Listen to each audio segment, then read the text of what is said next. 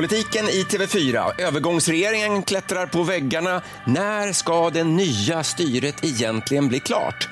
Och partierna de vill gärna få bidrag, men pengarna ska inte lukta. Nya avslöjanden om Sverigedemokraternas upplägg. Och breven och busen. Vad är det egentligen som händer vid ett regeringsskifte?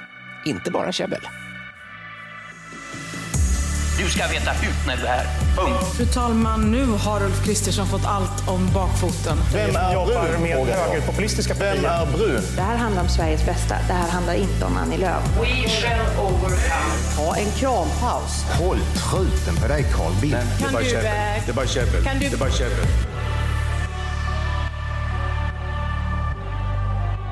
Ja, men mycket varmt välkomna till ett nytt avsnitt av vår politikpodd Inte bara käbbel med Ann T och Jens B. Vi kallar, kan man säga så lite slarvigt? Ann Tiberg, Jens B Det låter som Nordström. lite mer sångare än vad vi Ja, kanske är. li, ja, det låter lite så här. Ja. Jens B.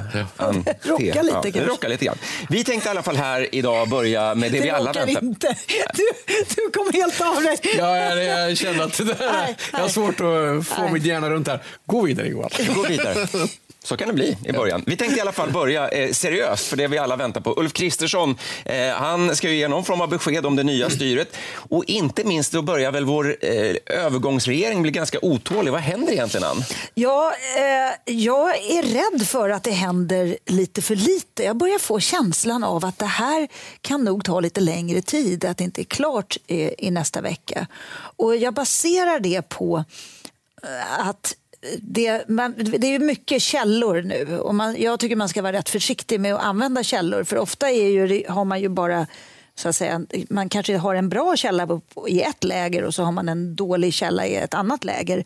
Men om jag ska liksom summera det jag hör och samla ihop det med det jag läser så skulle jag nog säga att Eh, Sverigedemokraterna ställer väldigt höga krav och är inte så kompromissvilliga och eh, tycker att det här kan ta nästan hur lång tid som helst. De har inte bråttom I relationen till Liberalerna eller i liksom... i relationerna till förhandlingen. Och det tror jag kan göra... Det här sätter, ökar nog egentligen pressen på Moderaterna för de har nog lite mer bråttom. Och man märker också att där så är det ju, oppositionen har ju gett dem lite tid, men nu börjar det ju komma de här rösterna från oppositionen också att men det här skulle ju gå snabbt. Ulf Kristersson pratar ju så mycket om att det här inte var något problem för man var så överens. Då är det bara att sätta igång. Så att Ulf Kristersson är den som har mest att leverera här. Och jag får också en känsla när man pratar med folk som står runt de här förhandlingarna att det går trögt och att man fortfarande är kvar på en del ganska basala frågor som man fortfarande inte har löst. Till exempel att de ska ingå i regeringen. Och, och till exempel exakt vad, man, vad målet är med förhandlingarna tror jag inte heller faktiskt att man är överens om. Men jag menar, när, eh, jag menar, Kristersson hade ju möjlighet att forma sitt lag innan valdagen. Eh, valresultatet blev ju ungefär som alla eh, trodde, en liten övervikt så att säga. Är det någonting som har skurit sig efter valet eller blev Sverigedemokraterna lite för stora i, i, på den sidan så att säga för att Ulf Kristersson skulle få ihop matematiken och att man kräver lite för mycket nu med tanke på att man, att man faktiskt fick så stort väljarstöd? Keyword word being för mycket här lite. Är det Nej, så men att man kräver för mycket eller är det så att man kräver att få utdelning i proportion till sin storlek? Ja, för mycket för? Kristersson, eller vad han Lite hade så. räknat ja, så med. tror jag Ja. kanske att det skulle kunna vara. Och I sak är det så här, det vi har hört den här veckan det är ju, det har, har då kommit uppgifter om att Sverigedemokraterna inte vill ha Liberalerna i regering. Jag tolkar de där uppgifterna som att Sverigedemokraterna vill ha ganska bra betalt om Liberalerna ska ingå i en regering. Det vill säga, Liberalerna eh, inser plötsligt att om vi sitter i regering då kommer inte vi få igenom några politiska förslag alls. Eh, därför att Sverigedemokraterna tycker kanske att det räcker med att de får de här regeringsplatserna och sen ska, får de inte igenom någon politik. Och så kanske det inte kan funka i förhandlingar. Men man kanske tycker att det ska funka så i förhandlingar om man har fått så stor andel av rösterna som Sverigedemokraterna har fått. Och, Det som är intressant just den här storleksfrågan är något som kommer igen i nästan alla regeringsbildningar och är något som Socialdemokraterna i synnerhet har använt liksom mot andra partier och sagt att men ni är så små så att ni får inte vara med här, eller här, det här får inte ni bestämma för ni är så små. Och här var ju Jimmy Åkesson ganska snabbt ute och sa att eh, det här är lite ovanligt för att nu är det ju en förhandling med två partier där ett är lite större sa väl och liksom slog sig för bröstet. Så att han underströk ju lite grann sin maktposition där också eh, ganska tidigt i de här förhandlingarna. Men tappar man trovärdighet på, på den sidan av politiken om man inte snabbt kommer fram till en lösning? Eller kan det här få Jag kan, ta jag hur kan lång tid som citera helst? en källa, mycket väl placerad källa faktiskt, som säger så här. Om fyra år är allt det här glömt. Fast vi minns ju de här hon- 130, vad, hur många dagar var det förra valet? Eh, 130. Det var inte glömt, Nej, det är inte 130 glömt. dagar. Men 40 dagar kanske är glömt om, om fyra år. Och det får man väl säga, liksom så här, det är ju skönt att komma efter en sån maratonregeringsbildning som det har varit tidigare. Liksom att nu är det liksom ändå så här, det är ganska låg ribba. Liksom, så, att så länge vi är bättre än det så kommer kanske inte liksom domen att vara för hård. Medan om man hade kommit ja, men vid ett annat tillfälle i historien, där innan dess så var det 21 dagar som var det tidigare rekordet i regeringsbildning, då hade man ju haft mycket mer kniven på strupen. Men jag tror man känner, och så, sen så tror jag också att det är väl kanske mänskligt också bland politiker att de vill ju komma igång med arbetet. De vill inte sitta och prata om hur ska vi ha det och sådär. Det är ju någon slags bouppteckning man håller på att göra. Man vill ju komma igång med det faktiska arbetet. Och sen har vi den här avgående regeringen, det övergångsregeringen. De vill bli av med sina jobb. De, vill inte, de är så trötta på att övergångsregera. Jag var på en, en bokrelease i veckan och i stort sett hela regeringen hade tid att gå på en bokrelease. Det var Ardalan Shekarabis bok ska jag avslöja, så att han var ju själv minister. Men eh, Magdalena Andersson var där, An- Mikael Damberg var där, Morgan Johansson var där. I stort sett alla. Jag tror, inte jag, jag, tror jag prickade, man hade kunnat göra sån här ministerbingo där. Men, men det, är här, det är också så ett tecken på liksom så här att normalt sett så går det inte att få ihop den gruppen för alla är upptagna. Men nu är det här lite udda tider och helt plötsligt har de tid att gå på bokreleaser. Och jag ägnar mig åt lite spaning också i ministrarnas Instagramkonton. Och där märker man ju att ja, men de har lite mer tid än vad de brukar ha. Eh, Anders Ygeman han har lagt upp en bild på en öppen spis och ett glas vin och låt hösten komma. Man liksom hör hur det sprakar nästan där. Det, han bakar kola, eh, någon slags äppelkaka med kanel och saltkolasås. Det, det är mycket mer det än det politiska arbetet. Och jag märker också på annat sätt också, för att mitt Instagramkonto är inte särskilt framgångsrikt. Eh, och inte, det är inget bra content där. Men helt plötsligt börjar jag få likes från socialdemokratiska ministrar som uppenbarligen inte har något bättre för sig än att sitta och scrolla lite grann i flödet. Och då kommer de ganska långt ner och de kommer till dig. Förlåt. Jag- Jag önskar jag kunde säga att nej, nu har du fel, men eh, det är nog förmodligen så att algoritmerna borde inte lägga mig längst upp i deras flöde. Men tror ni att, att, att hela övergångsregeringen, uppenbarligen verkar Ygeman njuta av sin brasa och sitt glas vin där, men njuter man av det eller klättrar man på väggarna istället? Nej, man klättrar på väggarna. De håller på att bli tokiga.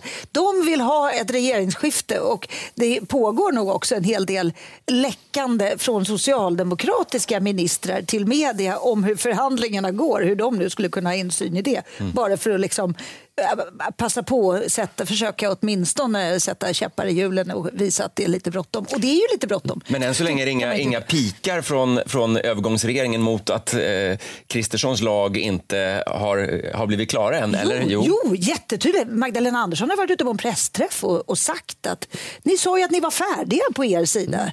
Ni var ju Eh, så överens. Ni var ju så överens, så, så absolut. Och frågan är då, eh, vem på, påverkar Sverige av det här? Om ni nu säger att, att eh, våra eh, övergångsministrar scrollar Instagramflöden och tittar på Jens eh, fina bilder uppifrån från Norrland eller vart du nu har varit och, och njutit. Jämtland måste. Jämtland, förlåt. Det är ju och, Norrland. Ja, det är Ja, norr, det, det är ett över i alla fall. land. Republiken Jämtland. Ja, men så kan det vara. Men, men drabbas Sverige av det? Alltså blir det ett vakuum här, ett beslutsvakuum? Eller tar man ändå det ansvaret? Eller finns det risk att det här att det glider lite grann?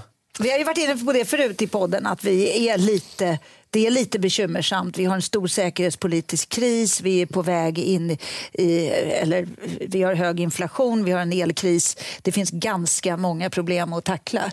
Eh, men man kan ju också säga så här att ibland kanske händelser vinner på att det inte är så mycket klåfingriga politiker inne och försöker göra någonting. Landet klarar sig. Och, och det, man ska säga, det är ju kanske liksom två departement som där den här stora lättjan inte har infunnit sig. Och det är ju utrikesdepartementet och eh, försvarsdepartementet. Och Ann Linde, när jag träffade henne när de pratade gasledning så sa hon ju så att nej, de andra de har tid med sånt där, men jag har lite för mycket. Finansen på. bör nog ha ett annat att göra också skulle jag Men det undrar man ju då, eh, Ann Linde, var hon på bokreleasen? Nej, hon var inte där. Och har hon eh, likat några av dina inlägg? Nej, det är inte det heller. det. Inte Peter Hultqvist Hon är väl heller. liksom, det är väl de två som liksom har fullt upp fortfarande. Däremot tror jag Hultqvist var där, men i en annan ände av det väldigt fullsatta rummet. Om ni kära ministrar som har något att göra eh, inte har något att göra så vet ni att Jens Instagramkonto då finns och han tar Jag gärna har emot också ett likes. Instagramkonto. Det har också Ann Friberg. Poddtips från Podplay. I podden Något Kaiko garanterar östgötarna Brutti och jag, Davva, dig en stor dos skratt. Där följer jag pladask för köttätandet igen. Man är lite som en jävla vampyr. Man har fått lite blodsmak och då måste man ha mer. Udda spaningar, fängslande anekdoter och en och annan arg rant. Jag måste ha mitt kaffe på morgonen för annars är jag ingen trevlig människa. Då är du ingen trevlig människa, punkt. Något Kaiko, hör du på Podplay. Därför är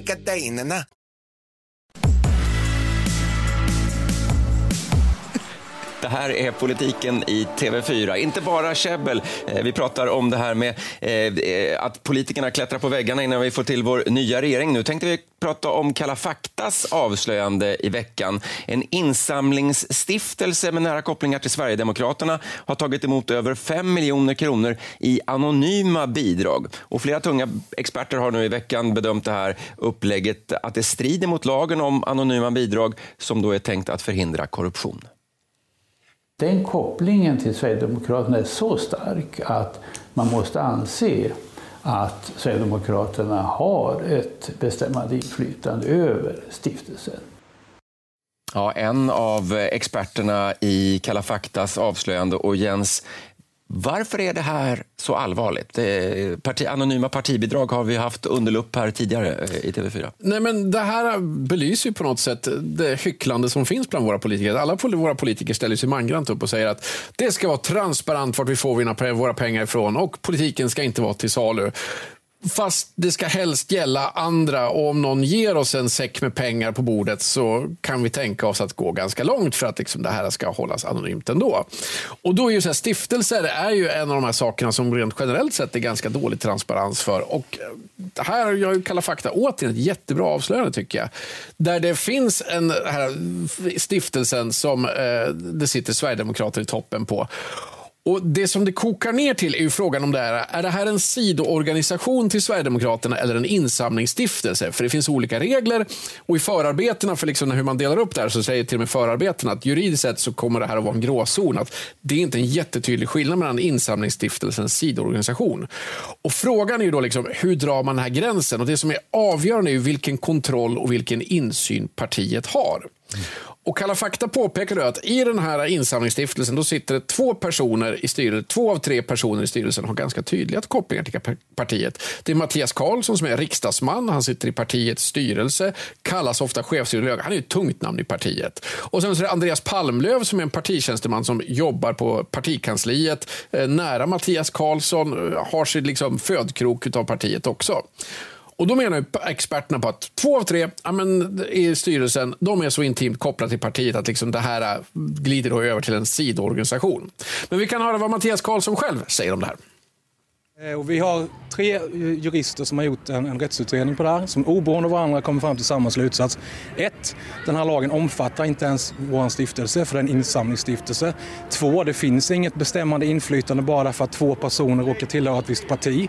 Det är inte så att vi är utsedda av partiet, det är inte så att partiet har någon påverkan eller någon insyn i den här verksamheten. Ja, Sverigedemokraterna håller inte riktigt med då, eh, professor Claes Sandgren som, som eh, framförde kritiken i, i bland annat i Kalla fakta. Nej, och det här är liksom ju juridik som är i grund och botten en gråzon. Och det här ska väl förmodligen kommer väl att ingå i att Kammarkollegiet har öppnat ett tillsynsärende efter Kalla faktas avslöjanden där man ska titta liksom lite grann på hur har partierna gjort när man har tagit in poäng, pengar på det här sättet. Men jag själv kan ju tycka att det här kan ju vara ett typiskt fall där man kanske liksom mm, juridiskt säger att Nej, men det här är gråzon men Sverigedemokraterna klarar sig. Men eh, ut, liksom, ur förtroendesynpunkt för väljarna så tycker inte jag det ser särskilt bra ut. Det är två personer som är väldigt tydligt kopplade till partiet. Det är ju inte liksom så här som man kan säga att ja, de här, här kommer Sverigedemokraterna aldrig få veta hur det här partiet, vad den här stiftelsen gör med pengarna eller vad, komma med synpunkter på det. De är ju intimt förknippade med varandra.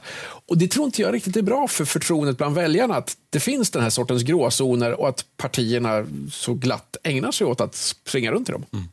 Nej, och det, och det här är ju en... eh, Det är lite som Jens säger, att det här, eh, man vill gärna ha pengar och sen vill man att alla andra ska följa reglerna.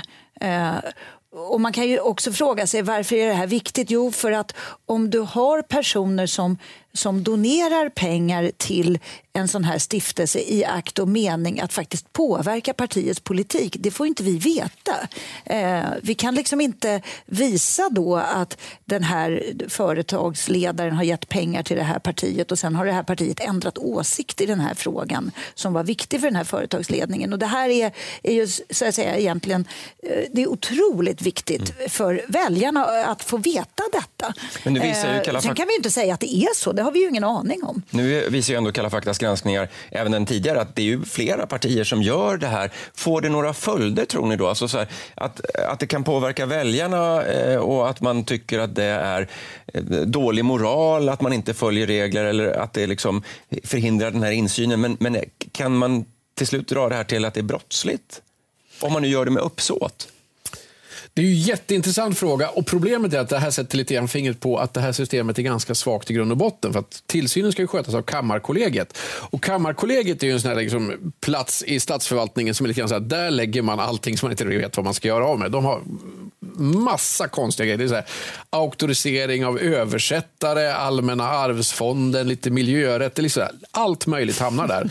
Och då även liksom tillsynen av pengar till partierna. Och lite grann så har väl Kalla faktas granskning satt fingret på att de har inte riktigt musklerna för det här att vara en tung tillsynsmyndighet. Och det som är intressant med det här är att det har funnits en diskussion som, i USA framförallt kanske efter att Trump vann valet och man började, eh, där man började ifrågasätta om institutionerna i demokratin är rustade för en, eh, partier eller ledare som vill använda dem i ett icke välvilligt syfte. Alltså klarar, står, står demokratin emot eh, när folkvalda attackerar själva demokratin? Och vi har ju då 6 januari i USA som ett, ett typexempel på när den här prövningen eller hela ifrågasättandet av valresultatet, när det här ställs på sin spets. Och det här är ju liksom i någon sorts mikroformat samma sak. Klarar demokratin av att man försöker tänja på gränserna på något sätt? Eh, Man kanske behöver förstärka de här reglerna nästan överallt. Och det tror jag väl så att det var ju ett, där, där bestod ju en del av det här provet av att det var så många partier som åkte dit i Kalla faktas granskning. Det var väl bara Vänsterpartiet, Miljöpartiet och Centerpartiet som inte liksom nappade på betet som Kalla fakta lade ut. Sen ska vi komma ihåg att i några av de här fallen vet vi ju inte om det hade gått, om det hade Hela blivit, vi, gått hela vägen. Så vi vet ju inte om de hade slagit. Så vi kan ju inte liksom på det sättet, det, det var ju tillräckligt illa att eh, de så att säga, öpp, var öppna för att hjälpa till att runda, kringgå reglerna. Nej, men, men, men, men det jag tänkte på var väl just det här liksom att när det är så många som liksom på något sätt har, blir fångade med fingrarna i syltburken så är det ju inte så många kritiska röster också. Att så här, det, det, var ju, det var svårt att göra, ragga politiska kritiska röster eftersom att alla eh, hade åkt dit lite grann. Nooshi Dadgostar var ju en av de få som faktiskt efter ett tag klev ut också. Och jag tror kanske även hos de här andra partierna så satt vi och funderade på, okej, finns någonting i vår historik som skulle kunna se illa ut här också? Så att det är ju, det är ju en svår fråga för partierna det här. Eh, jag tänkte vi skulle byta ämne och återvända till regeringskansliet där som sagt övergångsregeringen, då, förutom att klättra på väggarna, förbereder det här regeringsskiftet. Man förbereder att byta lag. Men hur går det egentligen till? Vad är det som lämnas över? Finns det saker som inte lämnas över av taktiska skäl till exempel? Ann, vad händer? Man kan säga så här, det, det, som är väldigt tydligt med den här regeringen det är att det har utgått instruktioner att man ska göra ett, ett bra eh, regeringsskifte. Eh, och det, det eh, lärde jag mig också då på bokreleasen eh, som jag var på. Att, att det, så åtminstone utåt sett så ger alla bilden av att de inte tänker hålla någonting hemligt utan allting kommer att vara väldigt transparent. Och man, man gömmer inte några lite halvfärdiga politikförslag i lådorna. Och spar dem. Tvärtom är det faktiskt så att tjänstemännen i regeringskansliet, de som alltså inte är politiskt anställda, de är nu i full fart med att tröska igenom de tillträdande partiernas program för att vara beredda. Så de börjar förbereda de förslag som de tror att den tillträdande regeringen vill kunna lägga. Och man vill helt enkelt vara förberedd. Eh, men men det, det, det som är lite intressant med ett regeringsskifte det är vad händer när de politiska tjänstemännen och politikerna tågar ut. Och Det kan jag berätta, det vilar på två ben. Mm. Eh, breven och busen. Jaha, trick, trick or treat nästan. Lite så här, breven, eh, det är, så här, det är en fin amerikansk tradition att man lämnar ett brev eh, till sin efterträdare, vilket man gjorde då i, i Vita huset mm. och har gjort många gånger. Mm.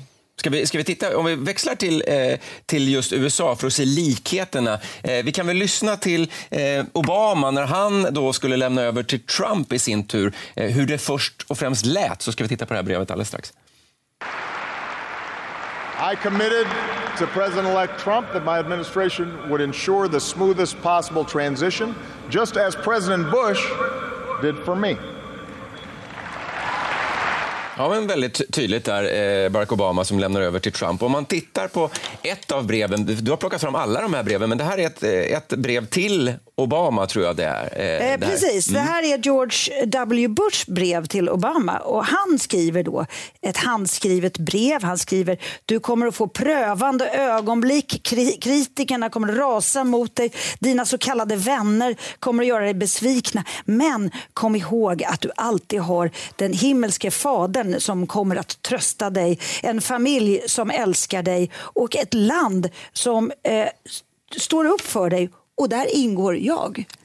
Skrev han bland annat. Mm. Ja, det, var- är gulligt. Det var Det var, gulligt. lite, det var väldigt sympatiskt. Ja, jo, och det, och det där, de är ju kompisar nu efter det här. Det var, var väl inte bara det. Men det där det är lite av, har blivit lite av en amerikansk tradition. Gissa vilken president som inte lämnade något brev till sin efterträdare. Ja, vi nämner honom inte vid namn, men vi kan nog alla gissa det. Ja, det- det var inte lika smooth. Eller? Nej. Men, men kan det bli så då, eh, nu när man gör det här regeringsskiftet, att, att, eh, att arbete går till spillo? Att man av taktiska skäl håller på saker? Men det här kan vi spara när vi får förnyat förtroende. Eller, att, eller är det verkligen den här fulla, härliga transparensen? Ja, ja men alltså, det, det får vi ju se. Men däremot, så, så det, förutom breven, så kommer ju det här buset. Och, och det eh, är, eh, om ministrarna de lämnar över lite värdigt, men de politiska tjänstemännen, där finns en lång tradition i ganska många länder att man lämnar små överraskningar till den nya politiska tjänsteman som ska in i det här rummet. Eh, och det mest kända är ju då när Eh, också i Vita huset man, och George W Bush skulle tillträda så tog man bort alla W från alla tangentbord eh, i Vita huset. Och nu kan jag berätta att det har pågått diskussioner i statsrådsberedningen att ta bort alla U och alla K från alla tangentbord. Eh, och nu eftersom jag har berättat det här så lär ju inte det hända så nu får de hitta på något annat. Eh, när den förra, en tidigare regeringsskifte 2014 då vet jag att på socialdepartementet så ställde man in alla tv-apparater på Al Jazeera. Och sen hade man hittat en, en eh, karikatyr på Stefan Löfven och då smög man in den i eh, kopia, kopiatorerna och printrarna. Så att plötsligt om man printade ett papper där så skulle Stefan Löfven vara liksom på bild. Väldigt lite ostigt men Ja, kanske just det, liksom, la, la, just det ladda printrarna, det tror jag förekommer på fler ställen också. Att det där råkar det att näringsdepartementet också hade en sån här att det var, jag tror det var Socialdemokraternas partiprogram som kom ut oavsett vad man försökte printa. Vilket, ja, men det, det, det är ganska, harmlöst ändå får man säga. Jag tänker så här, nu har de jättemycket tid på sig att hitta på en riktigt bra pranks. Så nu måste vi ha det som en liten blåst cliff- en av de bästa Nu då, måste vi ha det som en cliffhanger. Vi Ja, måste verkligen. hitta pranksen. Men däremot så kan man väl säga så att eh, om man tar frågan lite så här seriöst, det är klart att det går ju en viss, det går ju lite tid, det går ju tid förlorad i en regeringsskifte och det är klart att även om det kanske inte man sitter och tjuvhåller så är det så här, det finns ju en del saker som alla vet så att ja, men det här borde vi ta tag i. Alla vet så här, ja, men en skattereform är alla politiker ganska överens om att göra. Men det är inte så att den avgående regeringen de säger så här, den där Sara bajsmackan kan det nästa gäng få ta tag i. Liksom. Att det, så det finns ju en del sådana här saker som man kanske egentligen borde vara igång med, men som man nu liksom bara låter den pucken få ligga i hörnet av eh, isrinken så länge. Ja, det är en spännande eh, tid vi har framför oss kan vi säga. Det finns mycket att prata om i Politikpodden, inte bara käbbel. Ann T och Jens B. Vi tackar eh, så Johan mycket. M. Ja. Så kan du få säga också då. Are you ready to rock? Ska vi stänga den här butiken idag? Vi det tar- är nog Nu dags. blir det ostigt Nu, nu tar igen. Vi helg. Eh, tack snälla för att ni har tittat eh, och lyssnat. Vi finns där poddar finns eh, och vi kan också ses på TV4 Play om ni nu så önskar. Tack snälla för att ni är med oss. Podplay. Ett poddtips från Podplay. I podden Något Kaiko garanterar östgötarna Brutti och jag, Davva, dig en stor dos skratt. Där följer jag pladask för köttätandet igen. Man är lite som en jävla vampyr. Man har fått lite blodsmak och då måste man ha mer. Udda spaningar, fängslande anekdoter och en och annan arg rant. Jag måste ha mitt kaffe på morgonen för annars är jag ingen trevlig människa. Då är du ingen trevlig människa, punkt. Något Kaiko, hör du på Podplay. Därför arkadeinerna.